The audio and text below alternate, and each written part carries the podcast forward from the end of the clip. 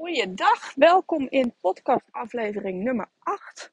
Ik loop uh, zoals gewoonlijk weer buiten, ben ik dit aan het inspreken. Het waait enorm. Gisteren was het uh, heel erg warm en nu is het best wel fris. Er staat een hele harde wind. Dus ik ga proberen om zoveel mogelijk met de wind in mijn rug te lopen, zodat jullie niet te veel last hebben van, uh, van de ruis. Um, we gaan het vandaag hebben over leiderschap tonen en regie pakken over je eigen leven. Ik heb net een coachcall achter de rug en ik werd zo ontzettend vrolijk van haar verhaal. Ik, ja, ik, ga dan, ik ga dan echt helemaal aan. Zij was zo blij met hoe zij het nu doet. En het draait niet eens om de resultaten. Ze heeft tot nu toe echt een fantastisch resultaat bereikt. Maar wat ik nog veel belangrijker vind, is dat zij dus regie pakt over haar leven. En steeds minder um, de acties die ze uitvoert af laten hangen van anderen, van de omstandigheden, van de weersomstandigheden, van al die redenen die jij misschien ook wel eens inzet om niet te doen wat je, wat je moet doen.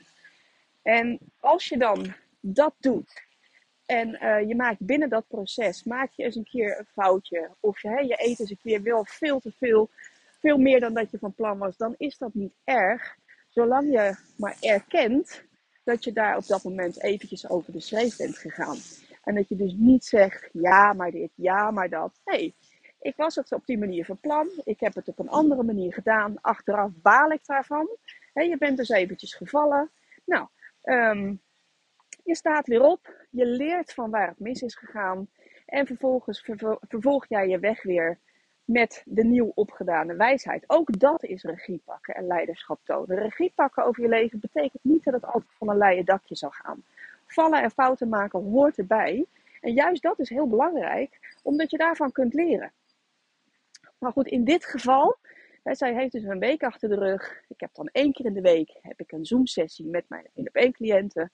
En dan bekijken we hoe is de week gegaan? Wat staat er op het programma voor de volgende week? Uh, hoe zijn je resultaten tot nu toe? Waar heb je extra hulp bij nodig? Nou, zo bespreken we eigenlijk alles wat belangrijk is in dat hele traject. En zij heeft nu een week achter de rug waarin ze weer gewoon meerdere malen regie over haar leven heeft gepakt. En met name daar, ja, daar word ik zo blij van. Dat gaf bijvoorbeeld aan dat uh, zondag was hier in de buurt was een bokkentocht. Nou, bokkentocht zeg je misschien niks, maar bokkentocht is eigenlijk een soort kroegentocht. Je gaat dus van kroeg naar kroeg en je gaat overal ga je bier drinken. Nou, voorheen deed zij daar aan mee. En uh, uh, nou, hè, hier een biertje, daar een biertje. En nou, maar eigenlijk dus ook hier 200 calorieën, daar 200 calorieën. En aan het eind van de dag, nou, hè, er komen natuurlijk hapjes voorbij en bitterballen. En dat hoort er allemaal bij. Overal kun je ook wat eten. Dus aan het eind van de dag heb je gewoon enorm veel binnen gehad. Plus heel veel alcohol, wat natuurlijk niet goed voor je is. En nu zit zij in dit traject. En ze dacht, ja, hè, ik kan twee dingen doen. Ik kan die bokkentocht afblazen. Maar ik kan ook gewoon, hè, dat is ook een vorm van regie pakken. Je doet er gewoon niet aan mee, ongeacht dat mensen dan zeggen van ja, dat is niet gezellig. Of hè, waarom ben je er nou niet? Maar goed, dat is ook een keuze. Maar in haar geval, zij heeft ervoor gekozen om wel mee te gaan. Maar om gewoon volledig de regie te houden in, um, in dat wat ze ging doen. Dus zij heeft hier en daar heeft zij een slokje genomen van een biertje. Gewoon omdat ze wilde weten hoe de smaak was. Dat had van tevoren ook rekening mee gehouden. Dat was een afspraak die ze met zichzelf had gemaakt. En uh, nou, daarmee was het ook goed. Ze wist hoe het, hoe het smaakte. En ze hoefde dus niet het hele glas achterover te gooien. Heeft ze ook niet gedaan. En dan kwam het aan op het eten. Nou, zij heeft dus dingen meegenomen die voedzaam zijn, die eiwitrijk zijn. Inmiddels weet ze precies wat dan de producten zijn die ze bij zich moet hebben. Maar ook dingen die ze gewoon hartstikke lekker vindt. Want je hoeft echt niet in een afvalproces alleen maar wortels en sla te eten. Er zijn echt super. Ik eet elke dag ontzettend lekker. Terwijl ik wel gewoon let op wat ik binnenkrijg. En dat geldt eigenlijk ja, voor al mijn cliënten. Op het moment dat jij elke dag iets moet eten wat je niet lust, ga je toch niet volhouden. Dus dan zeg ik, doe dat vooral niet. Zoek naar een alternatief dat voedzaam is. Dat uh, het liefst ook eiwitrijk is. Maar ook iets waar jij gewoon naar uitkijkt. Want elke maaltijd moet gewoon een feestje zijn. Nou, dat heeft zij gedaan. Ze heeft dus dingen meegedaan, meegenomen die ze echt hartstikke lekker vond. Dus op het moment dat de schalen met de bitterballen en de frikandellen voorbij kwamen, uh, heeft zij gewoon haar, haar eten uit haar tas gepakt. Nou, daar kunnen mensen, hè, daar hebben we in de vorige podcast over gehad, kunnen mensen misschien raar vinden. Het zal allemaal vast, maar wat boeit het wat die mensen ervan vinden? En als ze er al iets van vinden, is dat dan per se iets negatiefs. Maar goed, dat was uh, de inhoud van die andere podcast. Uh, daar heeft zij zich dus helemaal niet, niet druk over gemaakt. Zij zegt van ja, ik heb dat doel En ik wil dat op deze manier doen. Plus, ik heb nu ervaren dat zo'n bokkentocht helemaal niet afhangt van uh, hè, of zo'n bokkentocht leuk is. Hangt helemaal niet af van de hoeveelheid bier die ik naar binnen gooi. Ik heb het gewoon hartstikke leuk gehad met de mensen met wie ik was. Ik heb er een goed gevoel aan overgehouden. En dat is vaak als we het op dat moment de regie uit handen geven en dus ingaan op alles wat er dan voorhanden is. Dus heel erg gaan overdrinken en overeten. Nou, dan heb je op dat moment heb je het misschien gigantisch naar je zin.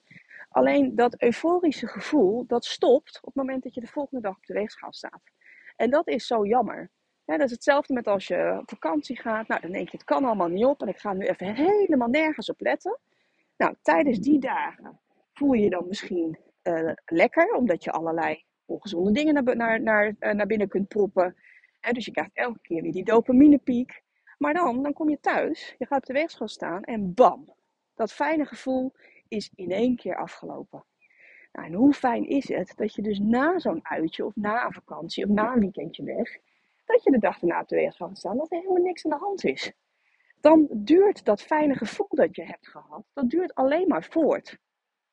Je hebt en het naar je zin gehad, je hebt uh, lol gemaakt, je hebt leuke mensen om je heen gehad. En, uh, nou, en je hoeft niet daarna weer tegen die extra kilo's te gaan opboksen. Uh, want het is gewoon, er is geen schade. Nou, dat, dat is wat ik altijd noem de uitgestelde beloning. Ga niet alleen voor het moment. Kies niet alleen voor dat wat je op dat moment het allerliefste wil. Maar denk iets verder na. Hoe wil ik mij de volgende ochtend voelen? Nou, en dat neem je mee in de beslissing op het moment. Uh, een ander voorbeeld wat zij aangaf. Zij had een, um, een etentje, dat was al uh, een week daarvoor weer. Ze had een etentje en zij wist uh, niet precies wat ze tijdens dat eten zou krijgen. Volgens mij was het iets met meerdere gangen. Het was een verrassingsmenu. En zij vond dat gewoon niet fijn. Want ze zei, ja, op dat moment kan ik gewoon totaal niet inschatten wat ik binnenkrijg. En ik wil niet verrast worden wat ik ga eten. Ik wil daar zelf iets over te zeggen kunnen hebben. Nou, wat heeft zij gedaan? Zij heeft contact opgenomen met die mensen die dat etentje hadden georganiseerd. En zij heeft gevraagd van, joh, hè, dit en dit is waar ik mee bezig ben. Misschien vinden jullie het een rare vraag, maar ik ga hem toch voorleggen. Is het mogelijk dat wij bij een ander restaurant gaan eten waarbij ik zelf van de kaart zou kunnen kiezen? Geen enkel probleem. Oh, ja, nou, tuurlijk. Nee, dat doen we dat. Wat zou je dan willen? En nou, dus een beetje overlegd. En die mensen hebben dat aangepast. En zij heeft daar heerlijk kunnen eten. Ze heeft van tevoren kunnen bepalen wat ga ik eten. En zo is het ook gegaan. En uh, wederom totaal geen schade op de weegschaal na een avondje uh, uit eten te zijn geweest. Als zij op dat moment had gedacht, ja, nou ja, dat is wel raar als ik dat ga vragen. En wat zullen ze dan wel niet denken? Nou, dan ga je er dus hè, alweer van uit dat mensen dan zullen iets negatiefs zullen denken. Terwijl dat in 99 gevallen helemaal niet zo is. Dat is een aanname in jouw hoofd. Maar je hebt totaal geen bewijs dat mensen dat zullen denken. En op het moment dat je inderdaad gelijk blijft, blijkt te hebben en ze vinden daar iets van, nou hoe erg is dat? Hoe erg is dat? En als jij, als het naaste van jou zijn en jij legt uit waar je mee bezig bent en dat het voor jou op dat moment belangrijk is, dan uh, nou, moet het toch wel heel raar lopen, willen ze daar dan op dat moment niet in meegaan. Maar zij heeft dus de regie gepakt. Zij heeft gevraagd van, joh, is dat mogelijk? Nou, het was mogelijk. En daarmee heeft zij de situatie zo kunnen draaien dat het paste binnen het traject waar zij mee bezig is. En um, ja, dat, ik denk dat dat essentieel is. Dat jij bepaalt hoe iets gaat verlopen.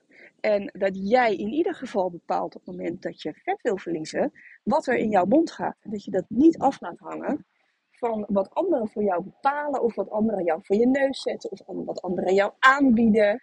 Jij bepaalt.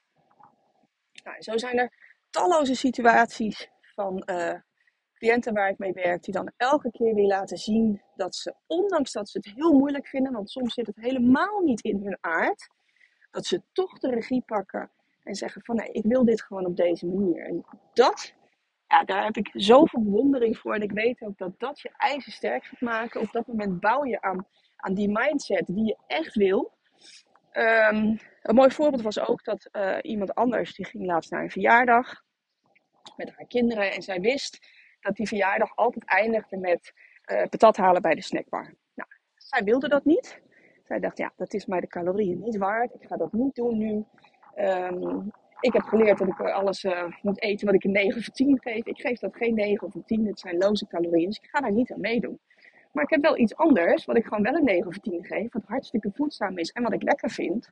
Dus wat let mij, wat of wie let mij om, mij, om dat mee te nemen? Dus zij is daar gewoon naartoe gegaan met haar, uh, haar maaltijd. En gezegd van, joh, voor mij geen patat hoor. Ik warm dit even op in de magnetron als je het goed vindt. Oh, zei die vriendin, nou prima hoor, helemaal goed. Nou, hartstikke leuke middag gehad. Ze had wel de taart ingepland, omdat zij weet dat er altijd echt goede taart van de banketbakker wordt gehaald, waar zij dus de calorieën voor, voor over heeft. En zij heeft haar keuze gemaakt. Ik bepaal dat ik op dat moment dat gebakje eet. Maar ik ga niet dan ook nog eens een keer patat eten. Dus ik neem gewoon mijn eigen maaltijd mee. Dat is in mijn beleving leiderschap tonen en regie pakken. Um, en het kan ook in andere dingen zitten. Bijvoorbeeld als je uitgaat of uit eten gaat. Dat jij tegen vrienden of vriendinnen zegt joh, ik rij, ik ben de bok. Op die manier spreek je eigenlijk met jezelf meteen al af van ik drink gewoon niet. Of ik drink heel weinig. Um, als je met de fiets gaat of als je gaat lopen, dan zou het zomaar kunnen dat je op dat moment in de verleiding komt. En wat je dus nu doet op het moment dat je zegt ik rij, is vooraf de regie uh, bepalen. En vooraf gewoon zeggen van nee, ik bouw deze zekerheid nu in, waardoor ik zeker weet dat ik niet over de schreef ga met de inname van alcohol. Vooruitdenken, daar je acties op baseren en, uh, en je daar dan ook aan houden. Um, een mooi voorbeeld is je stappen zetten. Als jij elke dag, nou, ik zet er elke dag 10.000. Misschien doe jij dat ook. Misschien uh, zet jij er 5000 of wat dan ook. Maar ik weet dat voor heel veel mensen is de verleiding om de stappen niet te zetten heel groot als het slecht weer is. Maar jouw lichaam interesseert natuurlijk helemaal geen zak of de zon schijnt of dat het regent. Jouw lichaam is elke dag bezig om jou in leven te houden. Jouw, jouw lichaam is elke dag bezig met alles wat jij erin stopt, om dat maar te moeten verwerken. Jouw lichaam is bezig als jij een wondje hebt om dat wondje te herstellen. Jouw lichaam is de hele dag bezig om jou te overleven in de zo goed mogelijke, op de zo goed mogelijke manier. Dus het interesseert jouw lichaam helemaal niet wat voor het is. Het lichaam wil alleen maar van jou de juiste input. En dat betekent dat of het nou regent of dat de zon schijnt, het heeft beweging nodig. Jouw lichaam zit er niet op te wachten dat het maandag tot en met vrijdag gezond eten krijgt en dat jij in het weekend helemaal losgaat. Voor je lichaam maakt het niet uit of het woensdagavond of zaterdagavond is.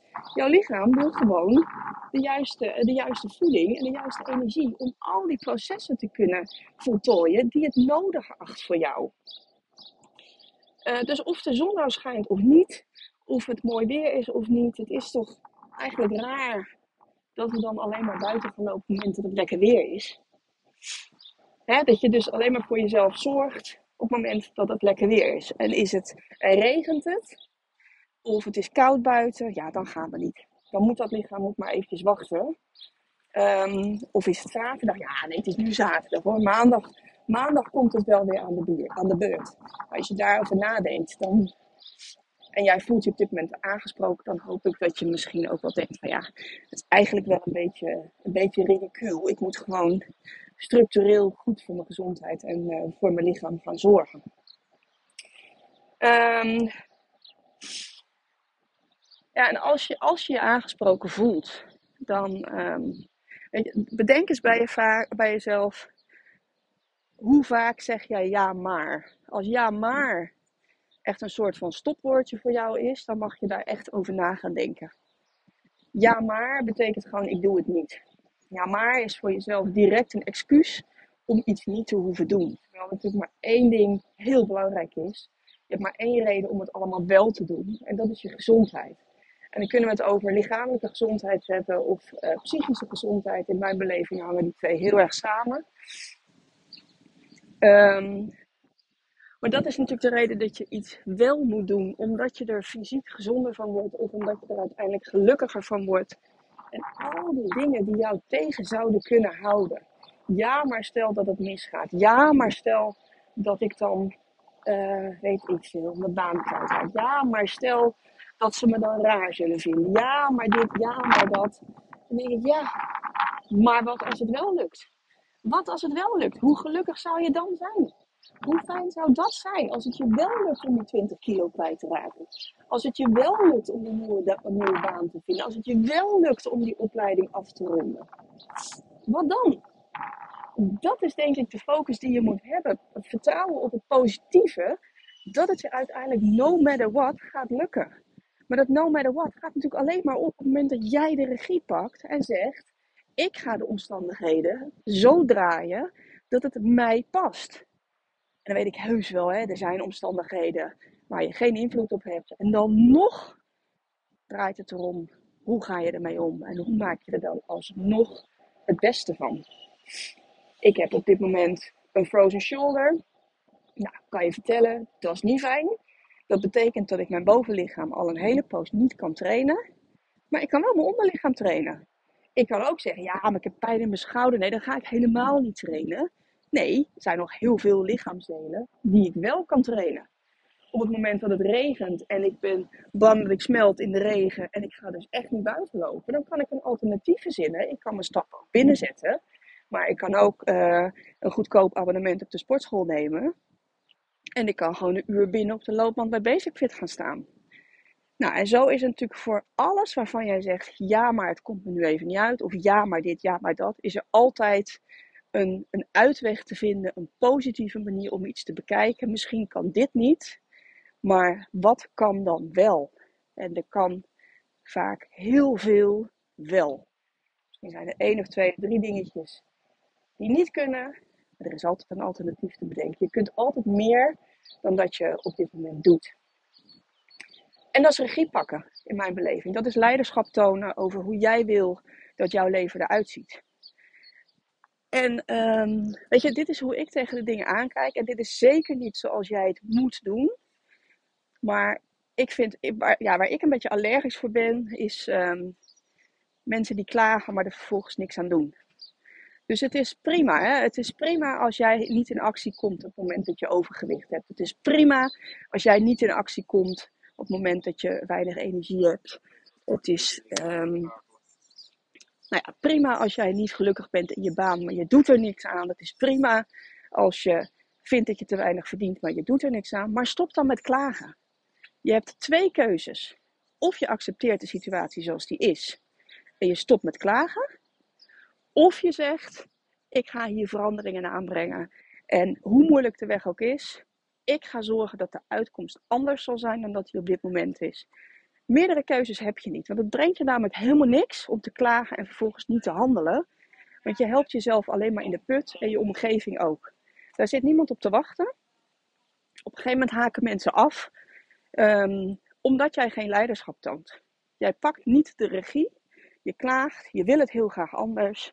Maar op het moment dat iemand dan een oplossing voor je bedenkt. Dan is het ja maar. Nou, komt die eeuwige ja maar weer. En uh, ja, op het moment dat je jezelf hierin herkent, dan denk ik echt dat je werk te doen hebt. Dat je daarin jezelf uh, schop onder je kont mag geven. En misschien heb je daar begeleidingen nodig. Het zou heel goed kunnen. Um, dan moet je die ook vooral gaan zoeken. Maar het begint bij jezelf in de spiegel aankijken en zeggen van nee, ik ben de enige die verandering in mijn leven kan aanbrengen. Ik kan niet wachten op een ander. Ik kan niet wachten op het mooie weer. Ik kan niet wachten op de maanden dat er geen verjaardagen of feestjes op het programma staan. Want ja, hè, ja, ik heb drie verjaardagen in de week. Dan kan ik natuurlijk ook niet afvallen. Nee, jij bepaalt. Het is jouw leven. En vanaf nu neem jij de touwtjes in handen en, en, en ga je er gewoon voor. Ongeacht omstandigheden, ongeacht wat andere mensen uh, tegen je zeggen. En dan ga je je doel halen. En dan voel je je achteraf zo ontzettend fijn en zo trots. En dat, uh, ja, daar moet je voor gaan, dat gevoel. Elke keer als jij de regie hebt gepakt, dan bouw je daar al aan. Hè? Dan denk je al van, oh yes, dit was toch wel echt heel fijn. Ik heb even laten zien dat ik het wel kon. En wat je ook meteen ziet, is dat anderen meestal helemaal niet zo reageren zoals jij dat verwacht had. Dus dat het helemaal niet zo erg en zo eng is om eens een keer iemand af te wijzen en om nee te zeggen. En uh, dan wordt het de volgende keer wordt het ook gewoon makkelijker. Dus kom op. Pak je leven op. Pak de regie in eigen handen. Het is jouw leven. Voordat je weet is het afgelopen. En uh, nou, dan wil je er toch wel echt het aller, allerbeste van gemaakt hebben. Op de meest mogelijke gezonde manier. Binnen jouw mogelijkheden, toch? Nou, ik wens je een hele fijne dag en tot de volgende!